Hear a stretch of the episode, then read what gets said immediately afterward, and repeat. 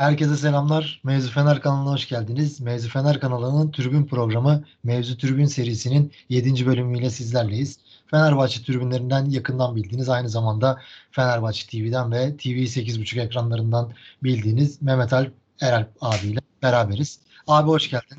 Hoş bulduk Yiğit'ciğim nasılsın? İyiyim abi sen nasılsın? Ben de iyiyim çok sağ ol. Abi öncelikle davetimizi kabul ettiğin için teşekkür ederiz. Her zaman kanalımıza geliyorsun, konuşuyorsun. Seninle konuşmak çok keyif bizler için de. Bunun için öncelikle sana teşekkür etmek istiyorum. Her zaman, ne zaman istersen seve seve. Eyvallah abi çok teşekkürler. Abi direkt başlayalım istersen. Seni tanımayanlara Mehmet Alp Eralp kimdir? Buradan girelim başlayalım. Yaşım tam 50 oldu.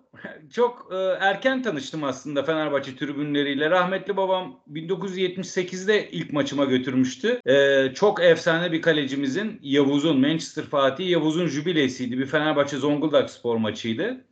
Ondan sonra tabii küçüklük zamanları e, esas Fenerbahçe ile e, maçlarla böyle bir iyice haşır neşir olmam 82-83 bir başka şampiyonluk sezonunda bir Mersin İdman Yurdu maçı ve Fenerbahçe stadında da ilk gittiğim maçtı.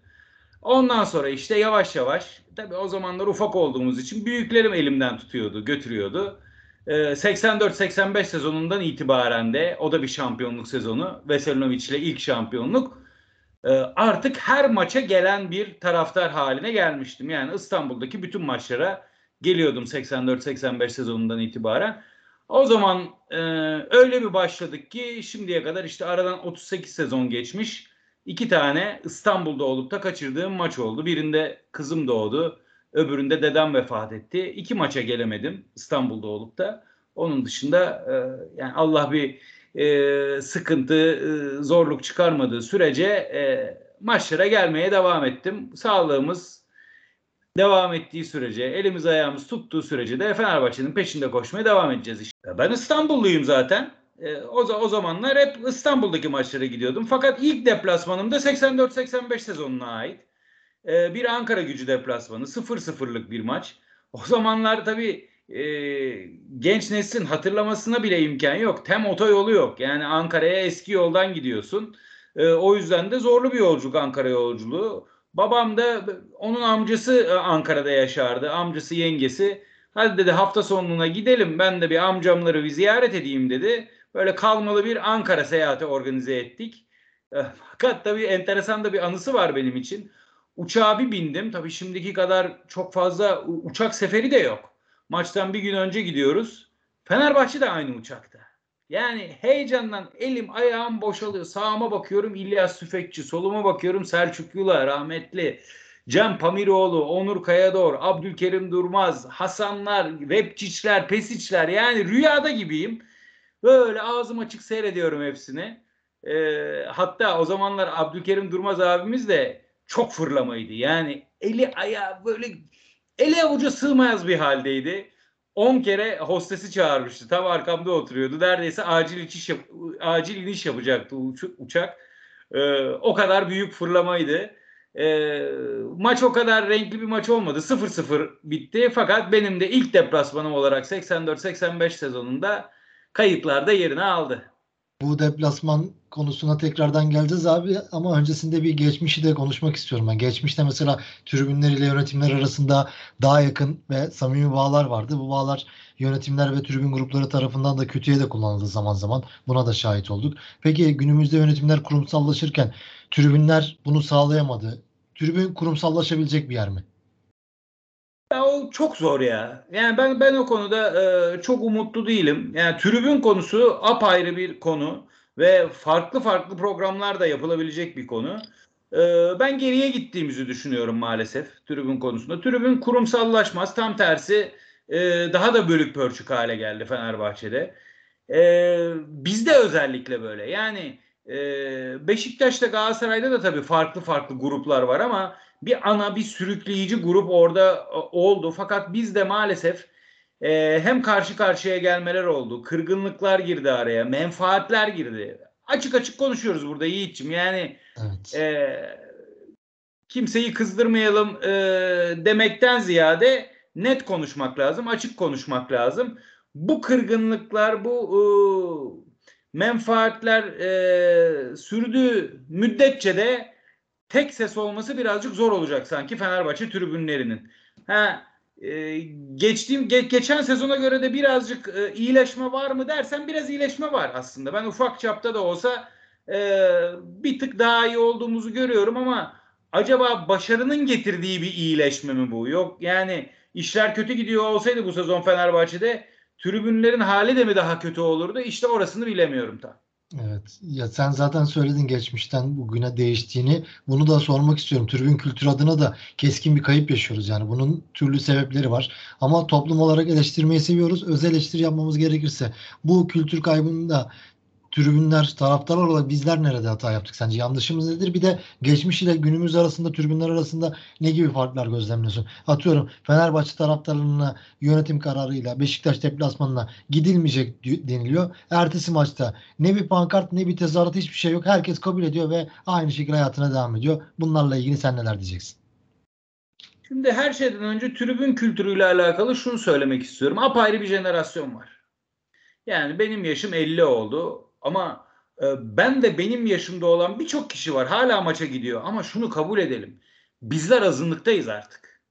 Bu işi götüren, bu işin lideri, bu işin çoğunluğu, tribünlerde daha yüksek sayıda, daha yüksek adette olan kişiler 15-25 yaş arası, hadi 30 yaş arası. Fark var arada, yaş farkı var, jenerasyon farkı var. Mesela en ufak bir örnek olarak Altay protestoları ile ilgili konuşalım mesela. Şimdi ben ve benim gibi arkadaşlarım, e, büyük çoğunluk, benimle aynı yaş grubunda olanların hemen hemen hepsi diyorlar ki bu çok yanlış. Fenerbahçe'nin herhangi bir futbolcusu maç oynanırken protesto edilmemeli. Bu Fenerbahçe'ye zarar verir. Fenerbahçe'ye zarar veren bir aktivitenin içerisinde de bizlerin olmaması lazım. Bizlerin dediği bu. Fakat bunu paylaştığın zaman, söylediğin zaman işte televizyon programlarında olsun, YouTube kanallarında olsun, sosyal medyada olsun bunu paylaştığın zaman gelen tepkilere, yorumlara bakıyorum. Yüzde doksanı ben ve benim gibileri haksız buluyor. Biz azınlıktayız. Yani böyle bir gerçek var, böyle bir realite var. Artık sosyal medyanın e, getirdikleri mi dersin, jenerasyon farkı mı dersin, ne dersen de gelen yorumlar şu şekilde oluyor. Kimseye tribüncülüğü öğretmeyin diyor.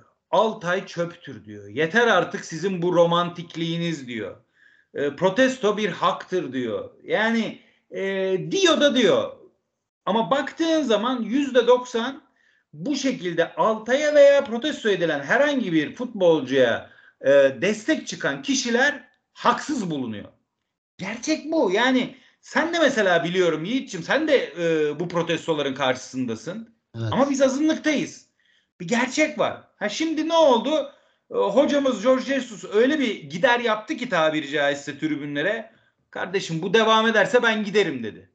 Böyle bir resleşme takım da bu kadar iyi giderken e, artık birazcık ses getirecektir. İnsanlar da kendine çeki düzen getirir, getirir diye ümit ediyorum. Şimdi biz çok romantiktik. Biz Altay'ı çok korumacı yaklaşıyorduk. İşte biz vasat severdik. Hepsine eyvallah eleştirdik. E Jesus da mı aynısı? Jesus da mı romantik? Jesus da mı vasat sever? Ha, Jesus bile böyle düşünüyorsa insanlar bir durup düşünmeli diyorum ya. Yani ben bu kadar gittim tribünde ıssıkladım ıssıkladım. Ya bu sırf tribün meselesi de değil. Sosyal medyada yerin dibine sokuyorsun. Bir linç kültürü var. Bu artık günümüzün gerçeği. Bunun futbolla falan da alakası yok.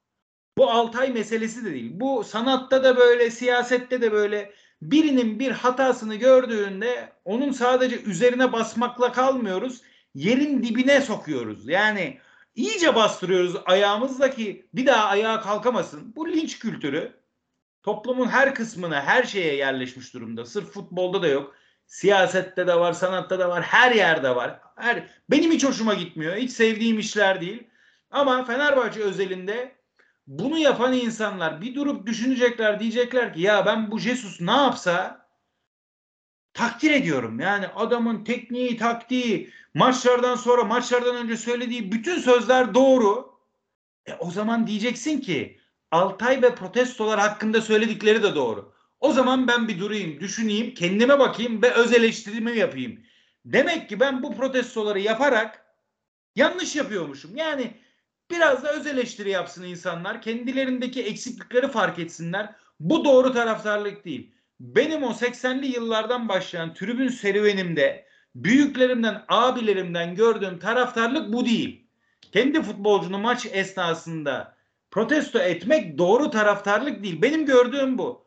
Tamam ben belki çok artık eski kafalı kaldım, eskilerde kaldım ama Jesus Baba da eğer aynı şekilde düşünüyorsa insanlar da biraz öz eleştirisini yapsın diyorum. Biraz sert konuştum, ters konuştum belki ama kusura bakma bu konudaki görüşlerim böyle. Futbolcuyu bence ıslıklamak, eleştirmek maç anında bir fayda sağladığını da düşünmüyorum ben. Bir futbolcuya bunu sormak lazım. Siz olumsuz tezahüratlardan nasıl etkileniyorsunuz diye. Bunu da aslında futbolcularla da konuşmak lazım ama ben bir etki olduğunu düşünmüyorum yani. Olumsuz bir tezahüratın futbolculara.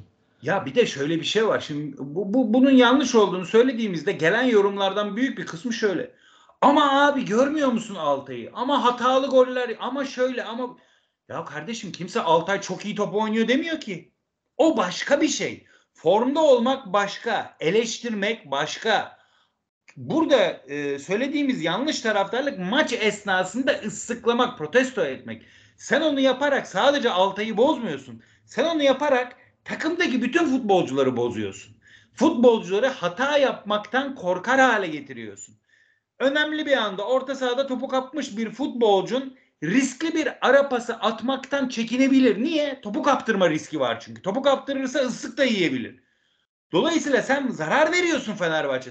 Bırak futbolcunun kafası rahat olsun. Futbolcunun iyi futbol oynaması için en önemli etkenlerden bir tanesi sahada kafasının rahat olmak olmasıdır. İyi konsantre olabilmesidir maça. Sen bunu yaparak bütün futbolcuların sadece ıslık ettiğin ıslık, ıslıkladığın oyuncunun değil, bütün futbolcuların konsantrasyonunu ve motivasyonunu bozuyorsun. Bunu anlamak lazım. Yoksa Altay iyi oynar, kötü oynar, eleştirirsin. Tabii ki eleştirebilirsin ya. Bundan daha doğal bir şey var mı? Eleştiri herkesin hakkı. Burada benim söylediğim, benim gibilerin söylediği şey farklı. Maç esnasında kendi futbolcunu ıslıklarsan takımına dolayısıyla çok sevdiğin Fenerbahçe'ne zarar verirsin. Bu kadar basit. Aynen öyle. Ya bir de endişe duyduğum benim konuda Fenerbahçe 25 maça çıktı sanırım resmi maça. İşler gayet iyi gidiyor. Sezonda sadece 2 yenilgi aldık. Biri 10 kişi kaldığımız Konya maçı, diğeri yine 10 kişi kaldığımız Dinamo Kiev maçı. İşler bu kadar iyi giderken bu tarz şeyler yaşanıyor. Demek ki kötü gitse biraz neler olacak Allah bilir. Bu, bu böyle. Bu linç kültürü dediğim gibi. Ee, insanlar her zaman bir günah keçisi ararlar. Yarın öbür gün Altay iki maç üst üste kurtarır takımı. Müthiş kurtarışlar yapar. Ama ondan sonraki maçta Batshuayi iki tane boş kaleye kaçırır. Bu sefer Batshuayi'yi ıslıklarlar. Arao bir kırmızı kart görür. Pozisyon icabı gereksiz. Arao'yu ıslıklarlar. Yani sen e, bu, bu iş trafik polisliği gibi. Hata bulmak istersen bir eksiklik bulmak istersen illaki bulursun bir futbolcuda. O yüzden yarın Altay olmaz başkası olur. Ahmet olmaz Mehmet olur. Ee, bizim zihniyeti değiştirmemiz lazım. Konu Altay konusu değil aslında. Kesinlikle. Peki abi sen hayatın boyunca maçlara gittiğin zaman herhangi bir tribün grubuna dahil oldun mu yoksa hep münferit taraftar olarak mı yer aldın? Ben şimdiye kadar e, çok uzun süredir maça giden biri olarak hep münferit e, olarak yer aldım. Yani hatta e, deplasmanlara giderken de e, çok deplasman otobüsleri e, olur biliyorsun. E, hiçbirinde yer almadım diyebilirim. Bunun tek bir istisnası vardır. E, 2000-2001 sezonunda Mustafa Denizli ile e, şampiyonluğa giderken biz e, ben iş hayatımda çok sıkıntılı bir dönemden geçiyordum o sırada ve e, kendi iş yerimiz, aile e, şirketimiz battı o sırada. Yani bir ekonomik kriz vardı. O zaman da devalüasyon vardı. Ve hakikaten çok büyük sıkıntı çekiyordum. E, herhangi bir deplasmana e, uçakla gidecek param da yoktu açıkçası cebimde. O sezonun işte e, ikinci devresindeydi zannedersem. Bir Yozgat deplasmanı bir de en son Samsun'a e, şampiyonluk maçına Fener List vardı o zamanlar hatırlarsın. Böyle internetin de hayatımıza iyice Evet. girmeye başladığı dönemlerde. Bir Fener List organizasyonu vardı. Bu iki deplasmana Fener List'in otobüsüyle gittim. Onun dışında herhangi bir e, taraftar grubuna hiçbir zaman dahil olmadım. E, çok birçok gruptan, farklı yerlerden arkadaşlarım oldu. Tanıdıklarım çok oldu ama ben hep münferit takılmayı tercih ettim. E, deplasmanlara giderken de e, birçok deplasmanda yalnız olarak tek başıma gittiğimde olmuştur. Peki Fenerbahçe taraftar grupları hakkında neler diyeceksin? Sence daha iyi olabilirler mi geçmişten bugüne kadar? Ya bir defa e, şöyle söylemek istiyorum. Ben biliyorsun YouTube'da da bir program yapıyorum. Sports Digital kanalında sevgili evet. Murat Zorlu ile. Oradaki e, programımızın ismi sadece Fenerbahçe. Niye sadece Fenerbahçe koyduk programın ismini? Çünkü maalesef Fenerbahçe'miz öyle bir camia ki biz bir şekilde bölünmeyi çok seviyoruz. Ali Koççu, Aziz Yıldırımcı olarak bölünmeyi seviyoruz. Aykutçu, Alexçi olarak bölünmeyi seviyoruz. Ocu bucu olarak bölünüyoruz. Maalesef taraftar gruplarında da böyle. Taraftar gruplarında da e, ocu bucu olarak çok fazla bölünmüş durumdayız. Bin bir parçaya ayrılmış durumdayız. E, aslında bir e, çeşitliliktir bu, renkliliktir de diyebilirsin. Demokrasi, herkes istediği kişilerle beraber olabilir. Ama işte o zaman bazen sadece Fenerbahçe demeyi unutuyoruz. Önceliğimizin Fenerbahçe olduğunu unutuyoruz.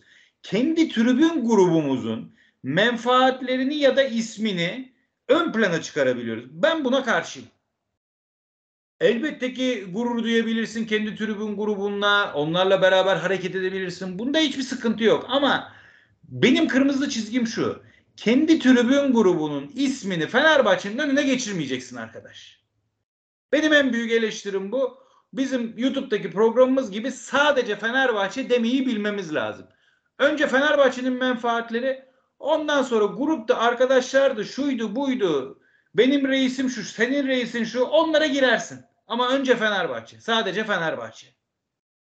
Peki abi Fenerbahçe tribünlerin tezahürat seçme, söyleme tercihleri nasıl buluyorsun? Bu işin bir kuralı var mıdır? Nerede, ne zaman, ne söylenmeli? Kadıköy'deki bir de bununla beraber Kadıköy'deki atmosferi nasıl değerlendireceksin? Ee, ben açıkçası Fenerbahçe tribünlerini çok eleştiriyoruz. Özellikle Kadıköy'deki performansını çok eleştiriyoruz. Ama eleştirdiğimiz haliyle bile, bak bunun altını çizerek söylüyorum. Eleştirdiğimiz haliyle bile en büyük tribün, en iyi tribün Fenerbahçe tribünüdür. Bu net. Ha deplasmanlarla alakalı zaten bunun tartışılacak hiçbir yanı yok. Yani dosta düşmana korku salan bir deplasman tribünü var Fenerbahçe'nin. Ee, bu uzun senelerdir böyle, uzun zamandır böyle. E, şu anda deplasman yasaklarının e, büyük takımlar arasında devam etmesinin sebeplerinden bir tanesinin de bu olduğunu düşünüyorum. Çünkü Fenerbahçe deplasman tribünü hakikaten gittiği yerlerde fark yaratıyor. İstemiyorlar açıkçası Fenerbahçe deplasman tribününün olmasını. Ee, yani biliyorsun Fenerbahçe Beşiktaş maçında çok beklendi. Yasak kalkacak e, diye bekledik bekledik olmadı maalesef. Ama son Fenerbahçe Beşiktaş maçını hatırla İnönü'deki 3-0 biten bir maç. İlk devresi 45 dakikası 3-0 bitmiş. Fenerbahçe'nin de çok kötü bir sezonu. Kötü oynuyor Fenerbahçe. Yani sahada ışık veren hiçbir şey yok. Takımlar sahaya çıkıyor devre arasında. Fenerbahçe diye inliyor. İnanılmaz bir tezahürat, inanılmaz bir destek. Halbuki desteği gerektirecek sahada hiçbir şey yok. Bir kıvılcım yok Fenerbahçe'de. O destekle geliyor o Fenerbahçe, o kötü Fenerbahçe 3-0'dan 3-3 yapıyor. Muhteşem bir oyun, muhteşem bir tribün performansı. Öyle bir Fenerbahçe deplasman tribününü almazsın İnönü'ye. Almazsın. Fark yaratıyor çünkü. Ben olsam Beşiktaş yönetimi yerinde ben de istemem. Ben olsam Galatasaray yönetiminin yerinde ben de istemem Fenerbahçe tribününü. Fenerbahçe deplasman tribünü olarak e, performans 10 üzerinden 11 diyorum. Ha bunun sebebi ne? Niye bu kadar iyi performans gösteriyor? İşte senin söylemiş olduğunda saklı Doğru zamanda, doğru yerde, doğru tezahürata girdikleri için. Mesela bunun tabii ince detayları var. Rakip tribün %95'ine sahip değil mi stadın? O %95'lik e, çoğunluk gür bir sesle tezahürattaysa eğer senin bağırmanın bir manası yok. Duyulmaz o %95 bağırdı. Ama onlar sustuğu anda öyle bir yerde giriyor ki Fenerbahçe deplasman tribünü esir alıyor rakip taraftarları. Bozuyor. Ne yapacağını şaşırıyor bağıramaz hale geliyor o rakip 95'lik %95'lik ev sahibi tribün. O yüzden doğru yerde ve böyle şarkılı türkülü değil vurucu tezahürat giriyor. Bir anda sessizlik olduğunda her zaman her yerde en büyük feneri bir giriyorsun bir ıslık yükseliyor karşı taraftan ondan sonra dağılıyor. Un ufak oluyor. Nereye uğradığını şaşırıyor rakip tribün. Dolayısıyla ben deplasman tribünü performansından çok memnunum. Şunu yapmamız lazım, bunu yapmamız lazım diye hiç akıl öğretecek halim yok. Çünkü çünkü zaten yapacağının en iyisini yapıyor. Zaten performansı 10 üzerinden 11. He Kadıköy'de niye böyle? İşte Kadıköy'dekinin sebebi de maalesef araya giren kırgınlıklar. Araya giren egolar. Ben bu tribün lideriyim arkadaş mesajını verme isteği. Onun bağırdığını öbürü bağırmıyor. Diğerinin bağırdığını beriki bağırmıyor. Böyle yaparsan tek ses olman çok zor. Ben tam tersine hatta birbirinin tezahüratını baltalayan tribünler de gördüm. Kısa zaman öncesine kadar da vardı bu. Yavaş yavaş bitiyor gibi gözüküyor. Bittikçe seviniyorum ama hala optimum seviyeye gelmiş vaziyette değiliz. Ne zaman bu biter? Ne zaman birbirimize eşlik ederiz? Ne zaman birbirimizi yükseltiriz Kadıköy'de? O zaman eski tribünler haline geliriz. Tabii ki söylenen tezahüratlarda, tezahürat seçimlerinde de hatalar oluyor Kadıköy'de. Ee, yanlış tezahüratlar geliyor. Bak şöyle bir şey bile oluyor.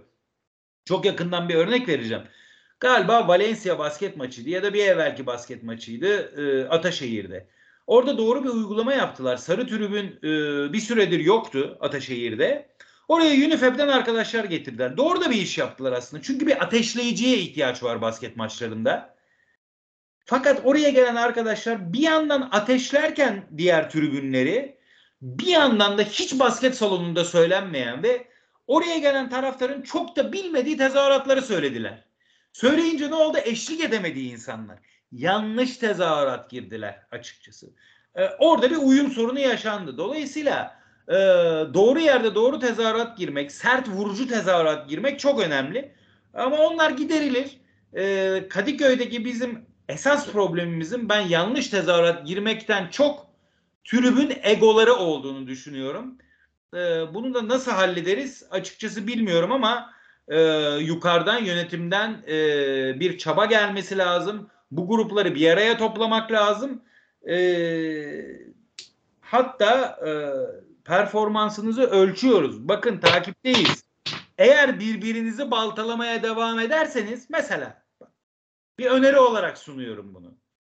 Birbirimizi baltalamaya devam ederseniz bizden deplasman tribünü bileti mileti istemeyin arkadaş demeye bile getirilebilir. Maalesef Türkiye'de işler böyle yürüyor. Benim bu önerdiğim biraz sert bir tedbir. Kimsenin hoşuna gitmeyecek bir tedbir. Ama ancak bu, bu tip tedbirler alırsan ee, bu işleri düzeltebilirsin. Türkiye'de bu işler böyle maalesef. Peki abi bilet konusunu da sormak istiyorum sana. Öncelikle bilet fiyatlarıyla ilgili de neler diyeceksin? Bir de deplasmanlarda açıkçası bir tanıdığı olmayanın şu an bilet bulması çok zor veya herhangi bir Fenerbahçeler Derneği'ne üye olmazsan bilet alma şansın zor. Bayağı zor. Grupların da talepleri oluyor deplasmana giden. Müferit taraftarların da talepleri oluyor. O şehirdeki insanların da talepleri oluyor. Sen Kadıköy'de deplasmanda birçok maç izlemiş biri olarak sence nasıl bir sistem kurulmalı? Bu deplasman tribünü bilet işi nasıl çözülebilir? Önce Kadıköy'den başlayayım. Ee, Kadıköy'de e, şunu yaptık. Biz çok fazla kombine sattık. Zaten geriye çok az bilet kaldı. Ee, o geriye kalan az biletlerin de işte e, bir kısmı zaten çok pahalı olan biletler. Benim gönlümden geçen, benim istediğim özellikle kale arkası tribün e, biletlerinin biraz daha ucuz olmasıydı. Fenerbahçe halkın takımıdır. Her zaman söylüyoruz ama halktan birazcık uzaklaştığımızı görüyorum. E, bu da büyük bir tehlike bana göre. Benim hiç hoşuma gitmeyen bir durum. E, fakat tabii yönetim de öyle veya böyle günümüz ekonomi dönemi e, Fenerbahçe'nin borçları da çok fazla. E, bilet fiyatlarını birazcık yüksek tuttular. Ha ama kim haklı çıktı? E, yönetim haklı çıktı. Ben değil yönetim haklı çıktı. Çünkü bu fiyatlarla bile sonuna kadar satıyorlar. Bütün biletleri e, satıyorlar. Neyse ki şu kombine devir yasağından vazgeçtiler. O konuda da yönetimimizi tebrik etmek istiyorum. Çünkü en azından bir hatalı karardan geri döndüler. İnat etmediler. E, bu da bir erdemdir. E, Fenerbahçe'nin ne kadar çok kişiye ulaşırsa o kadar karı olacağını düşünüyorum. Çocukların Fenerbahçeli olması gerektiğini düşünüyorum. O yüzden de e, hep aynı kişilerin stada gelmiyor olması lazım. Kombine devre esnasında en azından maça gelmeyen kişileri de e, maça getirtebiliyorduk. Ben maça gelmiyorum. Mesela apartmandaki e, bir tane komşum var çok maça gelmeyen. Onu sokabiliyor olmam lazım. Ha kombineyi e, dağıtırken çok dağıttık. Çok az kaldı. Evet biliyorum. E, devirler esnasında maalesef kara borsa da oluyor. Evet. Ama kara borsayı engellemenin yolu bu değil. Bu yasak değil. Kara borsacılar çok açık seçik yapıyor zaten bu işi. İnternete girdiğinde koltuğuna kadar belli kara borsacı. Onun üzerine gidersin. E, o koltuğun sahibi belli, TC'si belli, kimliği belli, her şeyi belli. Onun üzerine gidersin. Gerekirse onun kombinesini iptal edersin. Hakikaten e, hak ediyorsa bunu. Yani eğer e, biri 250 liralık bileti 1000 liraya satıyorsa bu adam kara borsa yapıyor. Yani bunun başka bir açıklaması yok. O yüzden o adamın üstüne gidebilirsin. Ama adam gurbetçi. E, senede iki tane maça geliyor. Onun dışında eşine, dostuna, akrabasına devrediyor biletini. Ya da bir şirket, bir firmada olabilir. Müşterilerine de veriyor olabilir. Bu bir stratejidir, bir servistir, bir hizmettir. Bunları cezalandırmamak lazım. Elma ile armudu ayırmak lazım. Yani kurunun yanında yaşayanmayacak. Ee, yönetimimiz de bir açıklama yaptı. Bazı şeyleri de tespit ettik dedi. Dolayısıyla Kadıköy'de durum bu. Benim gönlüm her zaman bilet fiyatları ne olursa olsun, kombine meselesi, e, bilet meselesi ne olursa olsun Fenerbahçe'nin halktan uzaklaşmaması. Yani odağımız o olmalı. Deplasmana gelince deplasman işi kanayan yara. Kanayan yara çünkü talep çok. Bilet sayısı az. Yüzde beş limiti var. Neyse ki yüzde beş limitiyle alakalı senle daha önce program yaparken de hatırlarsın bu öneriyi evet. getirmiştim ben. Yüzde beşi arttıracaksın arkadaş. Özellikle stadını doldurmayan, dolduramayan e, takımlarla alakalı. Bununla ilgili bir adım atıldı. Fena mı oldu? İşte İstanbul Spor gibi, Karagümrük gibi, Kasımpaşa gibi takımlar e, arttırdılar bu yüzde beşlik limiti. Daha çok taraftar gitti. Daha çok deplasman seyircisi gitti. Ne oldu? Seyirci ortalamaları arttı. Biraz daha dolu tribünlere oynandı maçlar. Bak mesela İstanbul Spor Fenerbahçe maçı yapıldı birkaç gün önce. Çok yüksekti bilet, bilet fiyatı. 307 lira hakikaten insanları zorlayacak bir fiyat. Ama öyle veya böyle bu bir fırsattır. Ben Fenerbahçe maçlarına bilet bulamıyorum, gelemiyorum, çocuğumu alıp da Fenerbahçe'yi izletemiyorum diyen biri için en azından bir fırsattır. Pahalı bir fırsat kabul ediyorum. Kolay değil kabul ediyorum. Olimpiyat stadının yeri çok sapa. Onu da kabul ediyorum ama en azından bir fırsat. Alıp götürme imkanın var mı? Var. Kötü mü oldu? İyi oldu. Dolayısıyla bu yüzde beş meselesini arttırarak e, bir nebze de olsa bazı şeyleri çözebiliriz. Tabii takımdan takıma değişir bu. Şimdi Ankara gücü maçına da gittik. Adamlar kendi yüzde doksan beşini doldurdular. Bir şey diyemezsin. Yiğit'ciğim kendi de yüzde doksan beşini dolduruyorsa adam sattıysa bir şey diyemezsin. Onu arttıramazsın. Ama kendi yüzde doksan beşini dolduran büyük takımlar harici bana sorarsan bir Ankara gücü var. Bir de Adana Demirspor var herhalde. Onun dışında ben e, doldurabilecek başka takım göremiyorum. Dolayısıyla diğerlerini yüzde beşten daha fazla e, deplasman tribününü açmaya zorlamak lazım diye e, tekrardan uyarımı ve önerimi yapmış olayım. Onun dışında başka önemli şeyler. Şimdi biz hadi İstanbul'dan gidiyoruz. Yönetimde daha çok biliyorsun taraftar gruplarına derneklere veriyor o deplasman tribünü biletlerini. Çünkü 20 bin kişilik, 30 bin kişilik, 35 bin kişilik statlar konuştuğumuz 1000 kişilik, 1500 kişilik, 2000 kişilik deplasman tribünü konuşuyoruz. Limitli, çok az. Ama esas oradaki insanların gitmesi lazım maça. Hadi bizler İstanbul'dan gidiyoruz. Öyle veya böyle tanıdıktı, şuydu, buydu buluyoruz, gidiyoruz bir şekilde. E oradaki adam ne yapacak? Hatay'daki adam senede bir kere geliyor Fenerbahçesi. Çocuğunu alıp da maça götürmek istiyor. Fenerbahçe'sini seyrettirmek istiyor. Bu adam maça gidemiyor. Niye gidemiyor? Çünkü biz bitiriyoruz bileti. Dernekler, taraftar grupları, tanıdıklar, şunlar bunlar derken onlara kalmıyor. Pasolik'ten girip de bilet alamıyorlar. Ya da çok az sayıda çıkıyor. 100 tane, 150 tane çıkıyor. O 3 saniye içerisinde bitiyor gidiyor. Bu adamların en azından bak en azından kendi şehrinin tribününe girebiliyor olması lazım. Yani elinde Paso Ligi var diye, Fenerbahçe Paso Ligi var diye Hatay Spor tribününe giremiyor olmaması lazım. Sivas tribününe girmiyor olmaması lazım. Kayseri tribününe girmiyor olmaması lazım. Dersen ki bak çok basit ya bunu çözmenin şey çok basit. Üzerinde Fenerbahçe atkısıyla, bayrağıyla, şapkasıyla ev sahibi tribüne giremezsin. Bu kadar. Bu kadar ya. Gideceksin en azından kendi takımını desteklemiyor bile olsan, tezahürat yapamıyor bile olsan o tribünde yer alırsın. Çocuğunu en azından Fenerbahçe maçına götürmüş olursun. Fenerbahçe sevgisini aşılarsın bir şekilde. Yani bu bir şeydir. Ha sen yüzde beşi daha yüksek e, yüzde onlara yüzde on beşlere yüzde yirmilere çıkarırsan O zaman o şehirde yaşayan Fenerbahçeli de bilet bulur zaten kendine. O zaman ikisini birden çözmüş olursun aynı anda. Heh, diyeceksin ki son şimdi çok uzattım lafı ama bunlar çok e, kritik konular.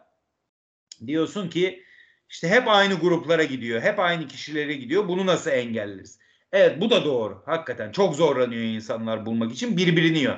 Hele hele İnönü'ye, Samiye'ne falan şu anda yasak ama e, açıldığı zaman oradaki 2500 tane, 2000 tane bilete 100 bin tane talep oluyor belki. Yani yönetim için de aslında içinden çıkılması çok zor bir durum. Kimseye yaranamıyorsun.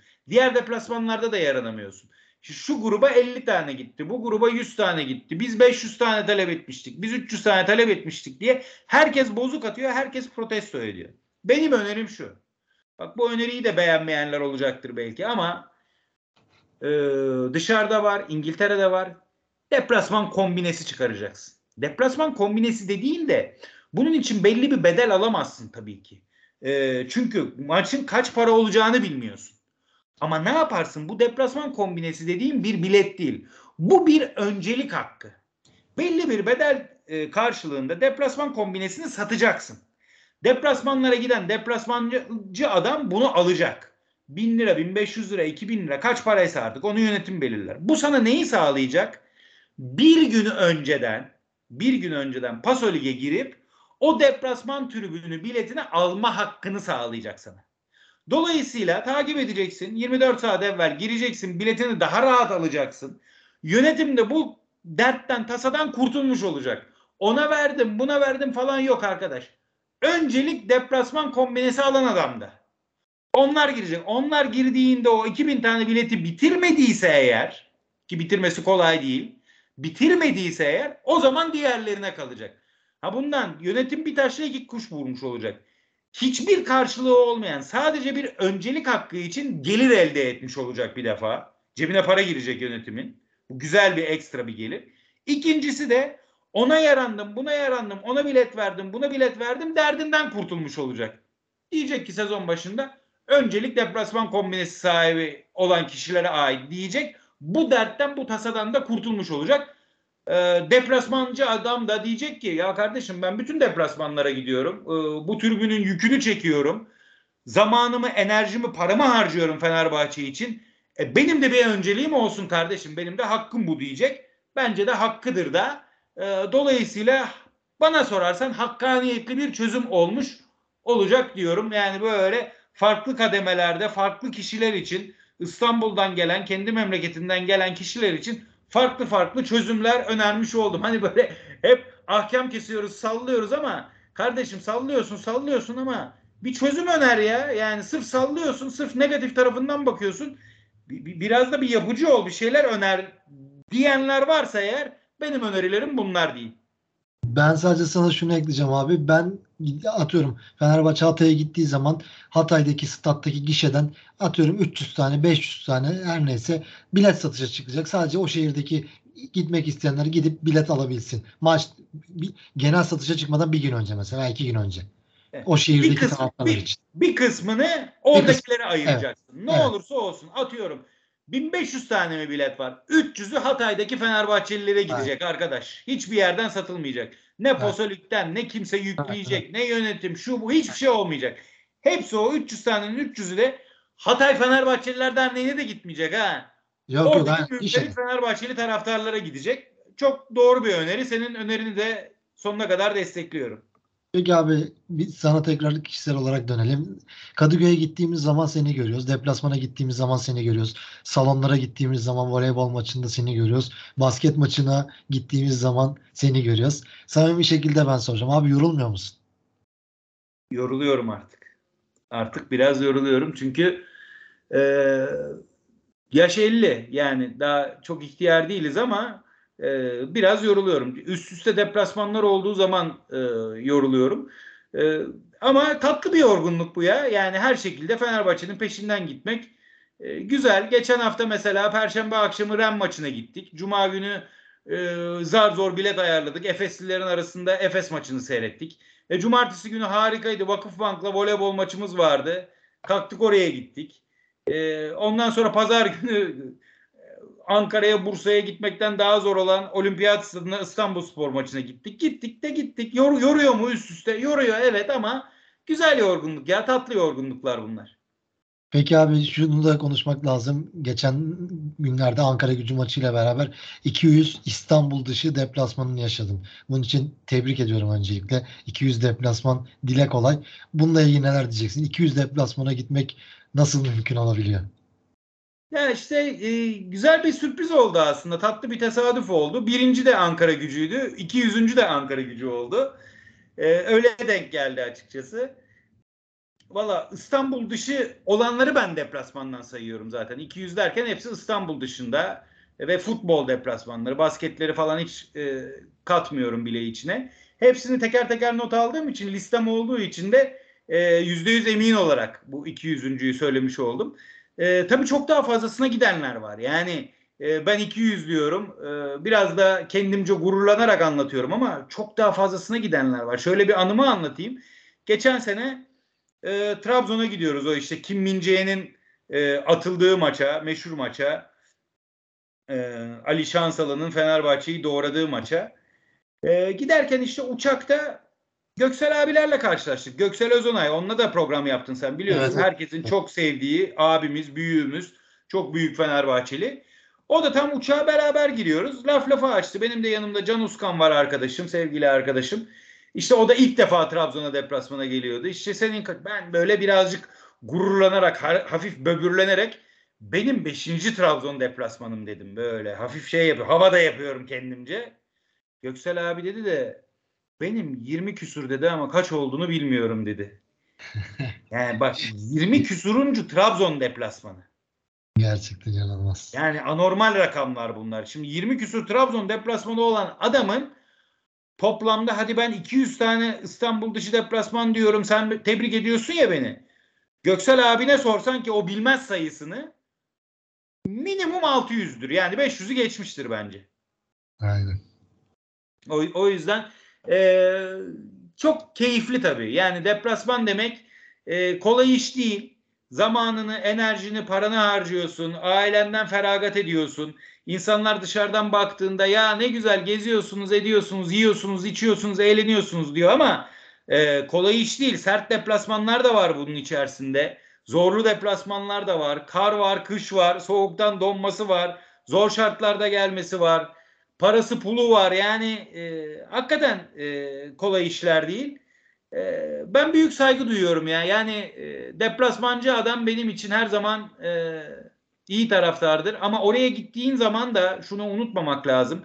Özellikle grup halinde, taraftar grubu olarak gittiğinde bir şekilde Fenerbahçe'ni temsil ediyorsun. Ya da Galatasaraylıysan, Beşiktaşlıysan kendi takımını temsil ediyorsun. O şehrin içine gidiyorsun, merkezine gidiyorsun. Oradaki davranışlara biraz dikkat etmek lazım. Yani oradaki gençler, oradaki Fenerbahçeliler mesela Fenerbahçe taraftarına gıpta ile bakıyor. Böyle gözlerinin içi ıçı, ışıl ışıl bakıyor. Sen orada tezahürat yapabilirsin, takımını destekleyebilirsin. Bunda hiçbir sıkıntı yok ama e, sağda solda taşkınlık yapmayacaksın. Benzinciye girdiğinde yolda taşkınlık yapmayacaksın. E, hareketlere dikkat etmek lazım. Kimseye bir Fenerbahçe antipatisi yaratmamakta yarar var. E, e, bu, bu iş sürü psikolojisidir. Kendi başına olduğunda hiç bu işleri yapmayacak kişiler sağında solunda abileri kardeşleri olduğunda biraz taşkınlık yapmaya meyilli olabiliyor. Bunun Fenerbahçelilikle iyi taraftarlıkla alakası yok. Yine bana kızabilirler. Altay'ı protesto edenleri eleştirdiğim gibi bu tip taşkınlık yapanları da eleştiriyorum ben. E, tribüne çıktığında, tribünde tezahürat yaptığında tabii ki gerginlikler olabiliyor zaman zaman. Benim söylediğim ayrı stadın dışında Fenerbahçe'yi iyi temsil etmek. O şehrin merkezinde kadınlar, çoluklar, çocuklar senin sağında solundayken e, onlara örnek olmak, iyi davranmak lazım.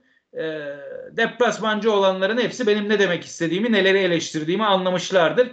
Fenerbahçe'yi her yerde her zaman iyi temsil etmek lazım. Avrupa hmm. için de geçerli bu. Avrupa'da bir deplasmana gittiğinde de. Gittiğinde güzel şarkılar, türküler söylersin, tezahürat yaparsın.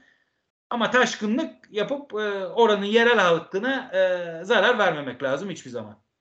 Peki abi deplasmanlardan demişken oradan devam edelim. Deplasmanlarda yaşadığın böyle çok unutamadığın anı var mı? Mutlaka vardır da bunu da sormak istiyorum sana.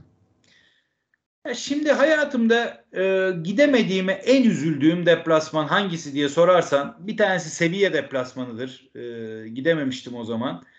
E, iş sebebiyle Almanya'daydım hem de. Yani aslında Türkiye'den daha yakındım ama gidememiştim. Fakat en üzüldüğüm, en en üzüldüğüm deplasman efsanevi 95-96 sezonu.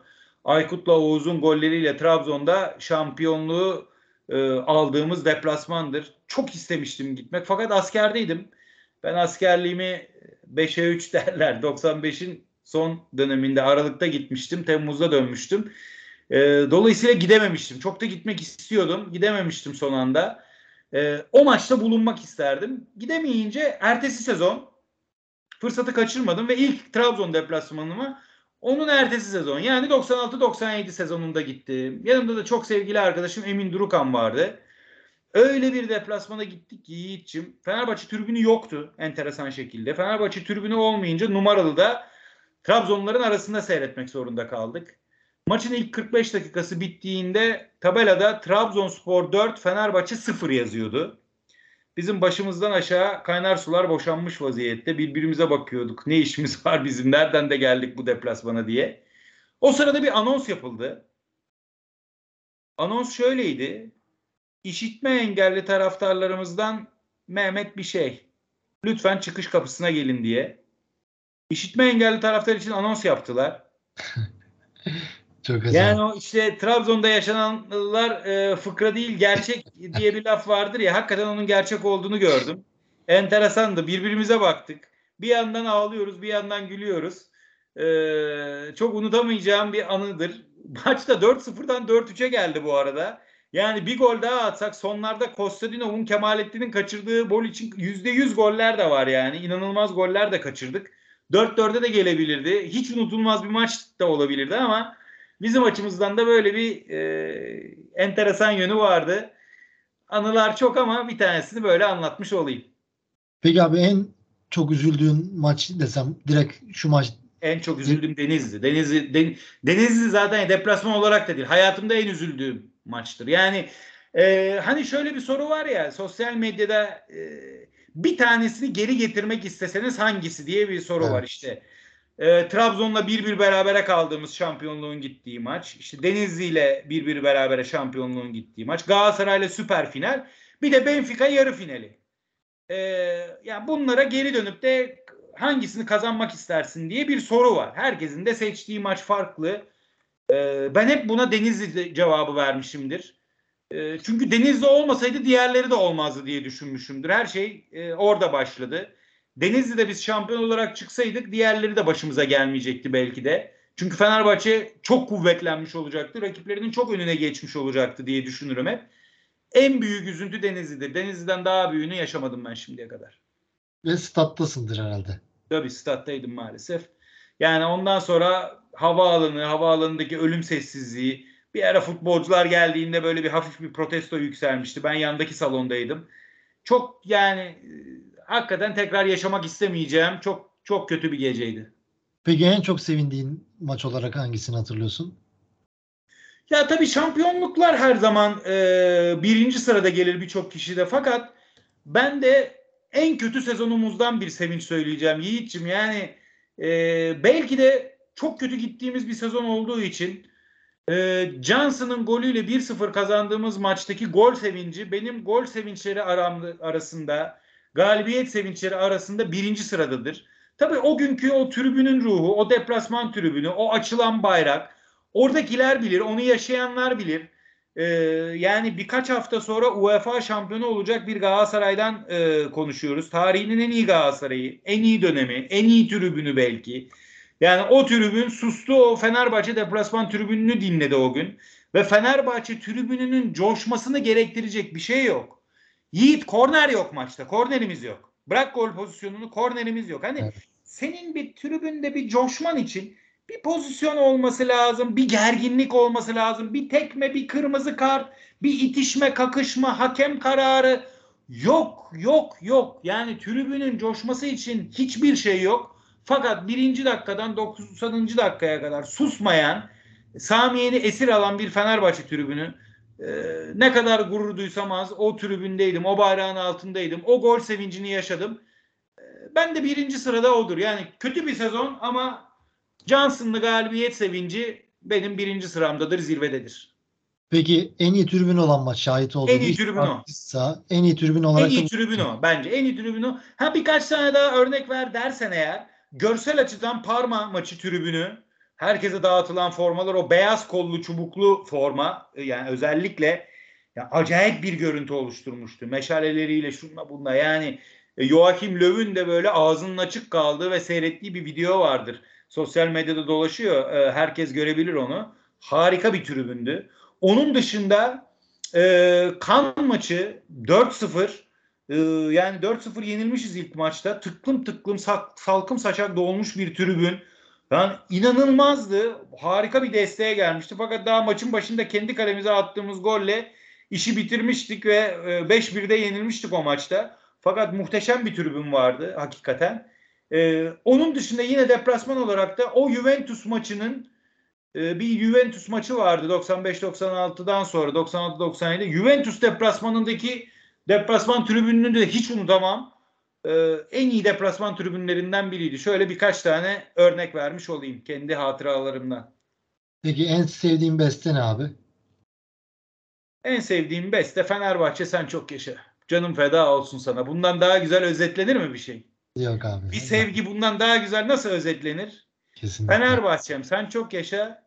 Canım feda olsun sana. Her şeyi anlatıyor. Ee, bir de şampiyon Fenerbahçe'm ne istersen iste benden. İstersen donatalım dört bir yanı bayraklar. Onu da çok severim. Çünkü sonunda öyle yükselen temposuyla yine benim gibi e, ihtiyar bir adam, eskilerden bir adam çok eskilerden kalma tezahüratlar söylemiş oldum ama e, benim favorilerim bunlar. 2014'tü sanırım. Fenerbahçe Seyahatnamesi 34'te 34 kitabını çıkardın. Ya, yazdın. Peki onunla ilgili neler diyeceksin? Az önce söyledin not alıyorum dedin. Burada yazdıklarını da hep notlar üzerinden mi gittin? Aklında tutma bu şekil mi oldu? O kitabın yazım süreci nasıl oldu? Şimdi geçmişteki o hatıralardan hiç not almamıştım. Yani sadece maçları yazmıştım. Ama yaşananlarla alakalı herhangi bir not almamıştım. Hep de konuşurduk arkadaşlarla aramızda. Ya ulan 34'te 34 yapılır mı yapılmaz mı? Çok da kolay bir şey değil biliyorsun. Yani seyircisiz oynanan maçlar falan var. Bir küfür cezası bir şey çıkıyor. Seyircisiz oynanıyor. Hop, gider patlar yani elinde. Yapamazsın gidemezsin. Öyle bir sıkıntı da vardı. Kuzenim var Özgür İnce. O da e, o sezon 2013-2014 yani e, o sezon yazdım ben e, kitabı. Ya Alp abi olur mu olmaz mı? Çünkü 5. hafta mı gelmişti? Yine bak 5'te 5'sin. Bu sezon olur mu acaba falan bir denesene. Falan. Onunla da konuştuk. Baktım gidiyor. Yani en başta sezonun başında yoktu aslında aklımda. Sonra böyle bir o haftadan sonra e, gittiğim deplasmanlarla ilgili almaya başladım notları. Şöyle bir kurgu yaptım kitapta. Tabii deplasmana gittiğinde anlatacak çok şey oluyor. Gittiğin yerler, gördüğün yerler, yeme, içme, orada insanlarla konuşuyorsun, sohbet ediyorsun. Maç önü, maç sonrası, maç sırasında yaşadıklarınla zaten güzel bir şeyler çıkıyor sana. Hepsi kendi içinde bir macera deplasmanı. Dolayısıyla deplasmanlarda orada yaşadıklarımı anlattım. Bir de ben gezmeyi de seviyorum. Yani atıyorum o sezon Sivas'a giderken deplasmana Merzifon Havaalanı üzerinden uçtum. Gittim Amasya Tokat yaptım. Oraları gördüm. Öyle Sivas'a geçtim. Yani bir gün öncesinden gittim. Ne oldu? Amasya'da, Tokat'ta o bir sürü yerler gördüm. Tokat'ta hamama gittim. Amasya'da işte Osmanlı evlerine girdim, çıktım, müzeye girdim. Yani bir sürü bir sürü şeyler var orada anlatacak. Yani hamamdaki e, bir abimiz vardı Tokatlı. Onunla yaptığım çok güzel, çok tatlı bir sohbet var. O sohbeti bile yazdım kitapta. Ha tabii Kadıköy'deki maçlarda o kadar farklı şeyler yok. Maça gidiyorsun, sonra evine geliyorsun. Onlarda da ne yaptım? Onlarda da bir şekilde böyle flashback yapar gibi geriye döndüm. Okuldan anılar, mahalleden anılar, arkadaşlarla anılar, eski maçlara dair anılar derken oradaki 17 maçta da hep böyle geriye dönük anılarla e, güzel böyle bezedim. Hem eskiler hem e, mevcut e, sezon. E, çok güzel bir karma oldu. İki tane baskı yaptı kitap. İkisi de tamamen bitti. Çok da soran oldu son zamanlarda. Yayın eviyle de e, yeni görüştük. Üçüncü baskıyı çok yakında yapacaklar. Şu anda piyasada bulunamıyor çünkü bitti. Kalmamıştı.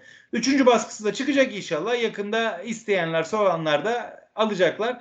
Deplasmancılar, e, Fenerbahçe sevdalıları e, güzel bir e, anı kitabı. Keyif alırlar inşallah. Ben de heyecanla bekliyorum vallahi yeni baskısının çıkmasını. Ben çok sevindim bu habere. Umarım duyururuz da bizim Mevzu Fener kanalından da çıktığı zaman da hemen alacağım. Tekrardan okuyacağım ve bütün herkese de önereceğim tabii ki de. Böylesi güzel bir kitabı. Peki abi artık çok da tutmak istemiyorum seni. Programın da sonlarına geliyoruz süre olarak. Peki şeyi de sormak istiyorum. Taraftarsın sen ama Fenerbahçe TV'de TV 8.5 ekranlarında şimdi yeni programa başladınız. Bozkurt abiyle beraber. Taraftarıyla bu yaptığın meslek arasında zorluklar yaşıyor musun? Sonuçta taraftar olarak birden düşünüp aklına bir şey geliyordu sonra aman bunu söylemeyeyim falan bu tarz kendini nasıl tutabiliyorsun? Neler yaşıyorsun? Valla açıkçası e, hiçbir tarafta kısıtlamıyorlar. Yani ne Fenerbahçe TV'de bir kısıtlama var. Ne YouTube'da. YouTube'da zaten hiçbir kısıtlama yok. TV 8.5'ta da şimdiye kadar hiçbir şey söylemediler bana. Şunu konuşma, bunu konuşma diye.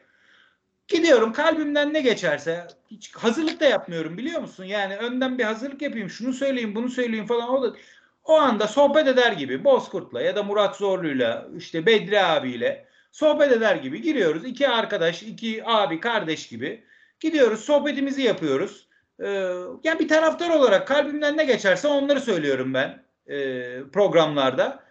Ee, beğenen oluyor, beğenmeyen oluyor ama e, ben bir zorluk yaşamadım açıkçası şimdiye kadar. Peki abi son olarak Fenerbahçe taraftarlarına buradan neler söylemek istersin? Fenerbahçe taraftarlarına kendimce naçizane şunu söylemek isterim. İyi günde herkes taraftar olur. İyi günde taraftar olmak dünyanın en kolay şeyi. Takım iyi, takım güzel top oynuyor, takım şampiyonluğa gidiyor. Maça gidersin, takımını desteklersin, sokağa çıkarsın, Fenerbahçe bayrağınla dolaşırsın. Bunların hepsi eyvallah güzel ama esas taraftarlık, esas iyi taraftarlık, doğru taraftarlık, gerçek taraftarlık kötü günde olan taraftarlıktır. Ben ilk maça 84-85'te gitmeye başlıyorum dedim, başladım dedim ya sana. Onunla 88-89 arasında olan dönem 3 senelik kapkara bir dönemdir. 5. 5. 8. bitirdi Fenerbahçe. Bir Bordo zaferi vardır.